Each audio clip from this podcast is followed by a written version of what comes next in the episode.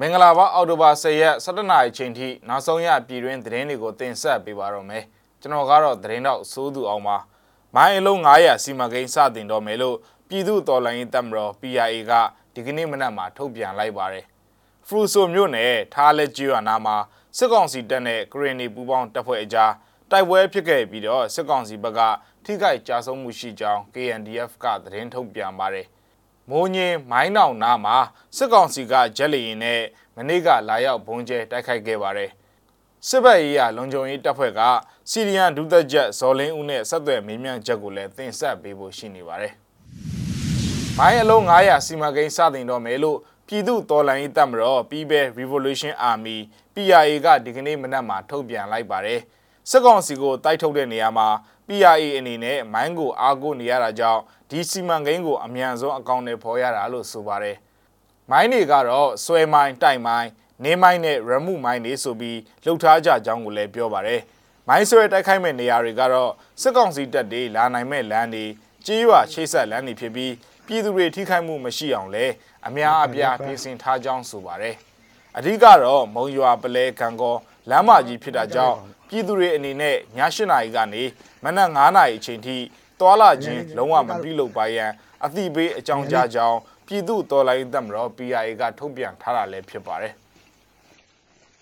ဟောပိုက်တယ်အဲ့ဒါခင်းနေမယ်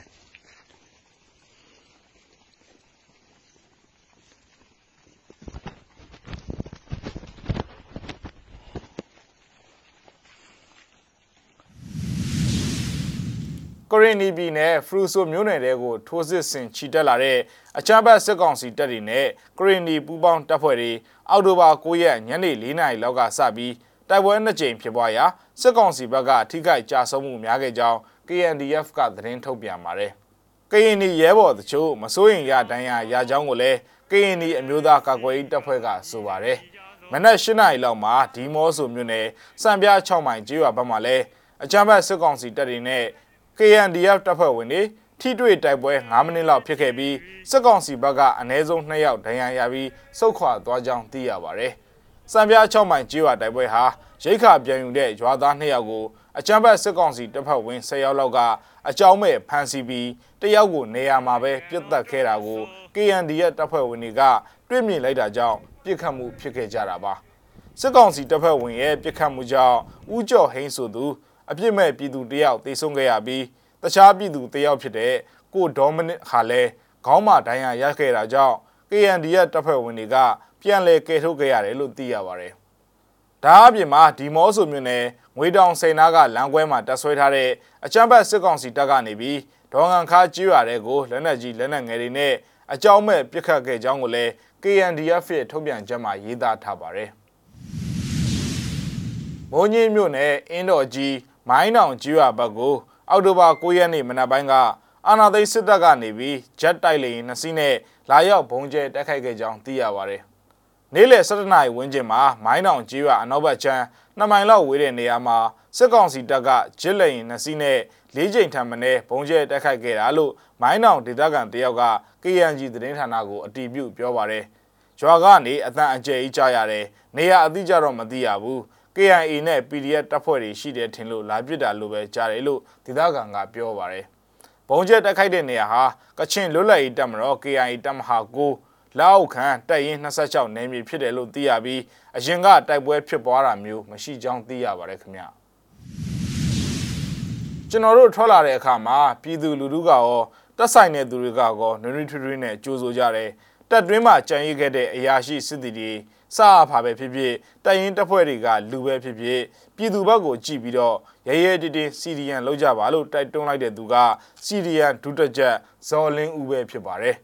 စစ်တပ်ကအာဏာသိမ်းအပြီး9ရက်အကြာမှာစစ်ထောက်လိုင်းရေးဖြစ်တဲ့စစ်ဘက်ရေးရလုံခြုံရေးတပ်ဖွဲ့ကနေပြည်သူရင်ဝင်ကိုခေါ်လုံလာတဲ့စီရီယန်ဒုသက်ချက်ဇော်လင်းဦးကိုမြစည်းမကဆက်သွယ်မေးမြန်းထားပါတယ်ဟုတ်ကဲ့ကျွန်တော်ကကူဘာနာတောင်ဝဲကူမြက်ခုံကိုပြင်လာတဲ့ ဒုတိယဇော်လင်းကကျွန်တော်စစ်ပရလုံငန်းတပ်ဖွဲ့ကံရိုးတန်းဒေသတိုင်းဆွေးနွေးတာကိုပေးပြပါပါခင်ဗျာကျွန်တော်နှစ်လပိုင်း9ရက်နေ့ရာကိုကျွန်တော်စီညာလောက်တာ2021ကို အဲ့တော့စီညာလောက်တာပြီးတော့ ကျွန်တော် ဒီမှာ တောင်များကိုဘယ်ကနောက်တော့ ဒီမှာ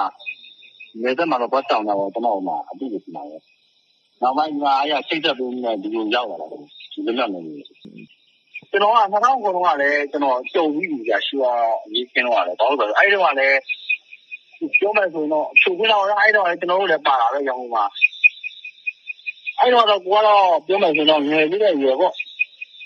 အခုကတော့ကိုကစဉ်းစားတတ်ပြီလေ အခုကအရာမဖြစ်တဲ့ဟာကြီးကို ပြည်သူကိုအဲ့ဒီတော့တော့ ဘယ်သူမှ ပြောမယ်ဆိုရင်သူကမကောင်းဘူးလေ အဲ့ဒါကြောင့်မို့လဲကျွန်တော်တို့ကအခုကျွန်တော်လုပ်ခဲ့တာနောက်တော့ပြန်လာတက်တဲ့ဆိုတော့လေဒီလိုပေါ့စာကြည့်ချင်းကြောင့်လည်း CDN ကိုတယောက်တည်းလောက်ကိုပြင်ရတယ်လေ။ ဆောင်းကြီးဆောင်းကြီးနောက်ပိုင်းမှာဆက်ဆက်စီစဉ်နေများလာတော့လေအဲ့လိုပေါ့။ဒီချာဆောင်းသိမ်းရအောင်လုံးလုံးစကြရဲ့နေရာ ရောက်မှလာပြန်ဆက်ပြရတာပေါ့နော်။ဘာလာလာလာတော့ ဒီလိုပေါ့။ပုံညာဝင်ပြီးတော့ပုံလိုက် ဒီနောက်ဝင်ပုံလိုက်တော့တည့်ရတိုင်းကိုအင်တာဗျူးအပြည့်အစုံကို မြစည်းမ TV မှာ ထုတ်လွှင့်ပြသနေသလို မြစည်းမ New in Burmese ဆိုတဲ့ Facebook စာမျက်နှာမှာလည်းတွားရောက်ကြည့်ရှုနိုင်ပါတယ်။ American ရေငုပ်သင်းမောဟာ ရေအောက်ကအမျိုးအမည်မသိတဲ့အရာတစ်ခုနဲ့ဝင်တိုက်မိခဲ့ပါတယ်။အပြည့်အစုံကိုကြည့်အောင်ပါ။ American ရေငုပ်သင်္ဘောတစ်စင်းဟာအာရှဒေသပင်လယ်ရေပြင်အောက်မှာခုံမောင်းနေစဉ်အတွင်းအမျိုးအမည်မသိအရာဝတ္ထုတစ်ခုနဲ့တိုက်မိပြီးထိခိုက်သွားတယ်လို့အော်တိုဘာလ9ရက်ကျန်တာပရိနေ့က American ရေတပ်ကထုတ်ပြန်ကြေညာခဲ့ပါတယ်။နျူကလ িয়ার စွမ်းအင်သောလျှက်တစ်ပြက်တိုက်ခိုက်ရေးရေငုပ်သင်္ဘောဖြစ်တဲ့ USS Connecticut ဟာ Indo-Pacific ဒေသက နိုင်ငံတကာရေပိုင်တဲ့အတွင်းစစ်စင်ရေးဆောင်ရွက်နေစဉ်အော်တိုဘာလ2ရက်မွန်းလွဲပိုင်းမှာအရာဝတ္ထုတစ်ခုနဲ့ဝင်တိုက်မိခဲ့ကြောင်းရေတပ်ရဲ့ထုတ်ပြန်ကြေညာချက်မှာဖော်ပြပါရှိခဲ့ပါတယ်။အသက်အန္တရာယ်ရှိတဲ့ထိခိုက်မှုမျိုးမရှိခဲ့ဘူးလို့အဆိုပါကြေညာချက်မှာဖော်ပြထားပေမဲ့ရေတပ်သတင်းတွေပဲအသားပေးဖော်ပြတဲ့ USNI သတင်းမှာတော့စစ်တီဒရာဇင်နီးပါးဟာအလဲအလက်ကနေအသေးစားအဆင့်ထိခိုက်မှုတွေရှိခဲ့တယ်လို့ဆိုပါတယ်။ USNI သတင်းရဲ့အဆိုအရအဆိုပါရေငုပ်သင်္ဘောဟာတောင်တရုတ်ပင်လယ်အတွင်းမှာခုတ်မောင်းနေခဲ့တာဖြစ်ပြီးအဆိုပါရေပြင်အတွင်းနယ်မြေပိုင်ဆိုင်ကြောင်းအငင်းပွားနေတဲ့တရုတ်ရဲ့ချင်းချောက်မှုကိုအမေရိကန်ရေတပ်ကတံပြန်ဖို့ကြိုးစားနေတာလည်းဖြစ်ပါတယ်။အခင်းဖြစ်စဉ်နဲ့ရေငုပ်သင်္ဘောဘလောက်အတိုင်းအတာထိထိခိုက်သွားလဲဆိုတာစုံစမ်းစစ်ဆေးနေပြီလို့ရေတပ်ကဆိုပါတယ်။ရေငုပ်သင်္ဘောကဘေးကင်းပြီးတည်ငြိမ်တဲ့အခြေအနေမှာရှိပါတယ်။နျူကလ িয়ার တွန်းကန်အားစနစ်နဲ့ရေလုံငန်းတွေကိုထိခိုက်မှုမရှိပါဘူး။ စွမ်းအားပြည့်လေပတ်နိုင်နေသေးပါလို့ဆိုပါတယ်။ USNI သတင်းအရ USS Connecticut ဟာဂူအန်ကျွန်းက American ရေတပ်အခြေစိုက်စခန်းကိုဦးတီထွက်ခွာသွားကြောင်းသိရှိရပါတယ်။စွန့်ပစ်တထုတွင်အမိုက်တွေကိုရှင်းလင်းဖို့တထုစားဘက်တီးရီးယားပို့ကိုချီလီသိပ္ပံပညာရှင်တွေကစမ်းသပ်နေပါတယ်အပြည့်အစုံကိုကြည့်အောင်ပါ လွန်ကဲပြင်းထန်တဲ့ပတ်ဝန်းကျင်အခြေအနေမှာအသက်ရှင်နိုင်စွမ်းရှိတဲ့အနုဇီဝပိုးမွားတွေကိုအစာရည်စာဖြတ်ထားပြီးတဲ့နောက်အိမ်ရိုက်တန်တစ်ချောင်းနဲ့ထိတွေ့ပေးရမှာ၃ရက်အတွင်းစားပြတ်နိုင်တာကိုတွေ့ရှိခဲ့ရပါတယ်။ချီလီနိုင်ငံကသိပ္ပံပညာရှင်နာဒက်ရီလက်ဟာနိုင်ငံရဲ့သဘာဝပတ်ဝန်းကျင်ကိုအကြီးအကျယ်ချိန်ချောက်နေတဲ့တပ်ထုတူဖော်ရေးလုပ်ငန်းမှာတပ်ထုစားဘက်တီးရီးယားတွေကိုအသုံးပြုပြီးတန်ရှင်းရေးလုပ်ငန်းတွေလှုပ်ဆောင်နိုင်ဖို့ရည်ရွယ်ချက်နဲ့စမ်းသပ်မှုတွေဆောင်ရွက်နေတာဖြစ်ပါတယ်။ဆန်ဒီယေဂိုမြို့မြောက်ဘက် ကီလိုမီတာ1100အကွာကစက်မှုမြို့တော်အန်တိုဖာဂက်စတာမှာရှိတဲ့သူမရဲ့တက်ခွဲခန်းမှာအသက်33နှစ်အရွယ်ဇီဝနီးပညာရှင်နာဒက်ရီလက်ဟာလွန်ကဲပြင်းထန်တဲ့ပတ်ဝန်းကျင်အခြေအနေမှာအသက်ရှင်နိုင်စွမ်းရှိတဲ့ extremophilus bacteria တွေနဲ့စမ်းသပ်နေပြီဖြစ်ပါတယ်။သူမတက်တိုတက်နေစဉ်က ကျင်းနီထုတ်ယူခြင်းလုပ်ငန်းကိုအနုဇီဝပိုးတွေရဲ့အကူအညီနဲ့တိုးတက်အောင်လုပ်ဖို့တပ်ထုတွင်တစ်ခုမှာစမ်းသပ်မှုတွေလုပ်နေတဲ့အချိန်တုန်းကအဆိုပါစိတ်ကူးပေါ်လာခဲ့တာဖြစ်ပါတယ်။ချီလီဟာကမ္ဘာမှာကျင်းနီထုတ်လုပ်မှုအများဆုံးနိုင်ငံဖြစ်ပြီးနိုင်ငံ GDP 15ရာခိုင်နှုန်းကိုတပ်ထုတူဖော်ရေးကရရှိတာဖြစ်တဲ့အတွက်တပ်ထုတွင်းတွေကထွက်လာတဲ့စွန့်ပစ်အမိုက်တွေဟာပတ်ဝန်းကျင်ညစ်ညမ်းမှုကိုများစွာဖြစ်ပေါ်စေပါတယ်။အခုဆိုရင် Rudernet Biotech ဆိုတဲ့ကိုယ်ပိုင်ကုမ္ပဏီထူထောင်လိုက်ပြီးဖြစ်တဲ့ Relax ဟာ သူမရဲ့သုတေသနမှာ Leptospirillium ခေါ်တန်အောက်ဆိုက်ထုတ်ပေးတဲ့ဘက်တီးရီးယားကိုအထူးပြုလေ့လာနေပါတယ်။သူမကအဆိုပါဘက်တီးရီးယားကို Antofagasta မြို့နဲ့ကီလိုမီတာ350အကွာပင်လယ်ရေမျက်နှာပြင်အထက်မီတာ4200မှာရှိတဲ့တာရှိုးရေဘူးစမ်းတွေကနေထုတ်ယူရရှိခဲ့တာဖြစ်ပါတယ်။၎င်းဘက်တီးရီးယားတွေဟာတက်တုတဲ့အလွန်များပြားတဲ့အခြေအနေမှာတောင်ဓာတ်မပြေတဲ့အက်ဆစ်ဓာတ်များတဲ့ပတ်ဝန်းကျင်မှာရှင်သန်ကြတယ်လို့သူမကဆိုပါတယ်။ဆာဆာချင်းတုန်းကတော့ဒီဘက်တီးရီးယားဟာ အိမ်ရိုက်တန်တစ်ချောင်းကိုခြေဖြတ်ဖို့နှစ်လကြာပါတယ်။ဒါပေမဲ့အစာအငတ်ထားလိုက်ချိန်မှာတော့သူတို့ကအလိုက်ပြောင်းပြီးအစာစားနိုင်မဲ့နီလန်းကိုရှာဖွေလာခဲ့ပါတယ်။နှစ်နှစ်လောက်စမ်းသပ်ပြီးချိန်မှာအိမ်ရိုက်တန်တစ်ချောင်းကို၃ရက်အတွင်းအကုန်စားပြတ်နိုင်တဲ့အထိအစာစားနှုန်းတက်လာတာကိုတွေ့ရှိခဲ့ရပါတယ်။အနုဇီဝစမ်းသပ်ချက်တွေရောဓာတုစမ်းသပ်ချက်တွေအရပါဒီဘက်တီးရီးယားတွေဟာလူတွေရောပတ်ဝန်းကျင်အတွက်ပါအန္တရာယ်မရှိကြောင်းတွေ့ရှိခဲ့ရတယ်လို့ Relax ကဆိုပါတယ်အဆိုပါဘက်တီးရီးယားတွေဟာ အရွယ်တော်တံမဏိထုတ်တန်းဒါမှမဟုတ်ကုန်တင်ကားဝင်တင်ကက်အင်ကိုခြေဖြတ်နိုင်မလားစမ်းသပ်ဖို့အတွက်ငွေကြေးလိုအပ်ချက်ရှိနေတယ်လို့ Relax ကပြောပါတယ်။တန်တွေကိုဇီဝနေရခြေဖြတ်ပြီးတဲ့နောက်ထွက်လာတဲ့အကြီးက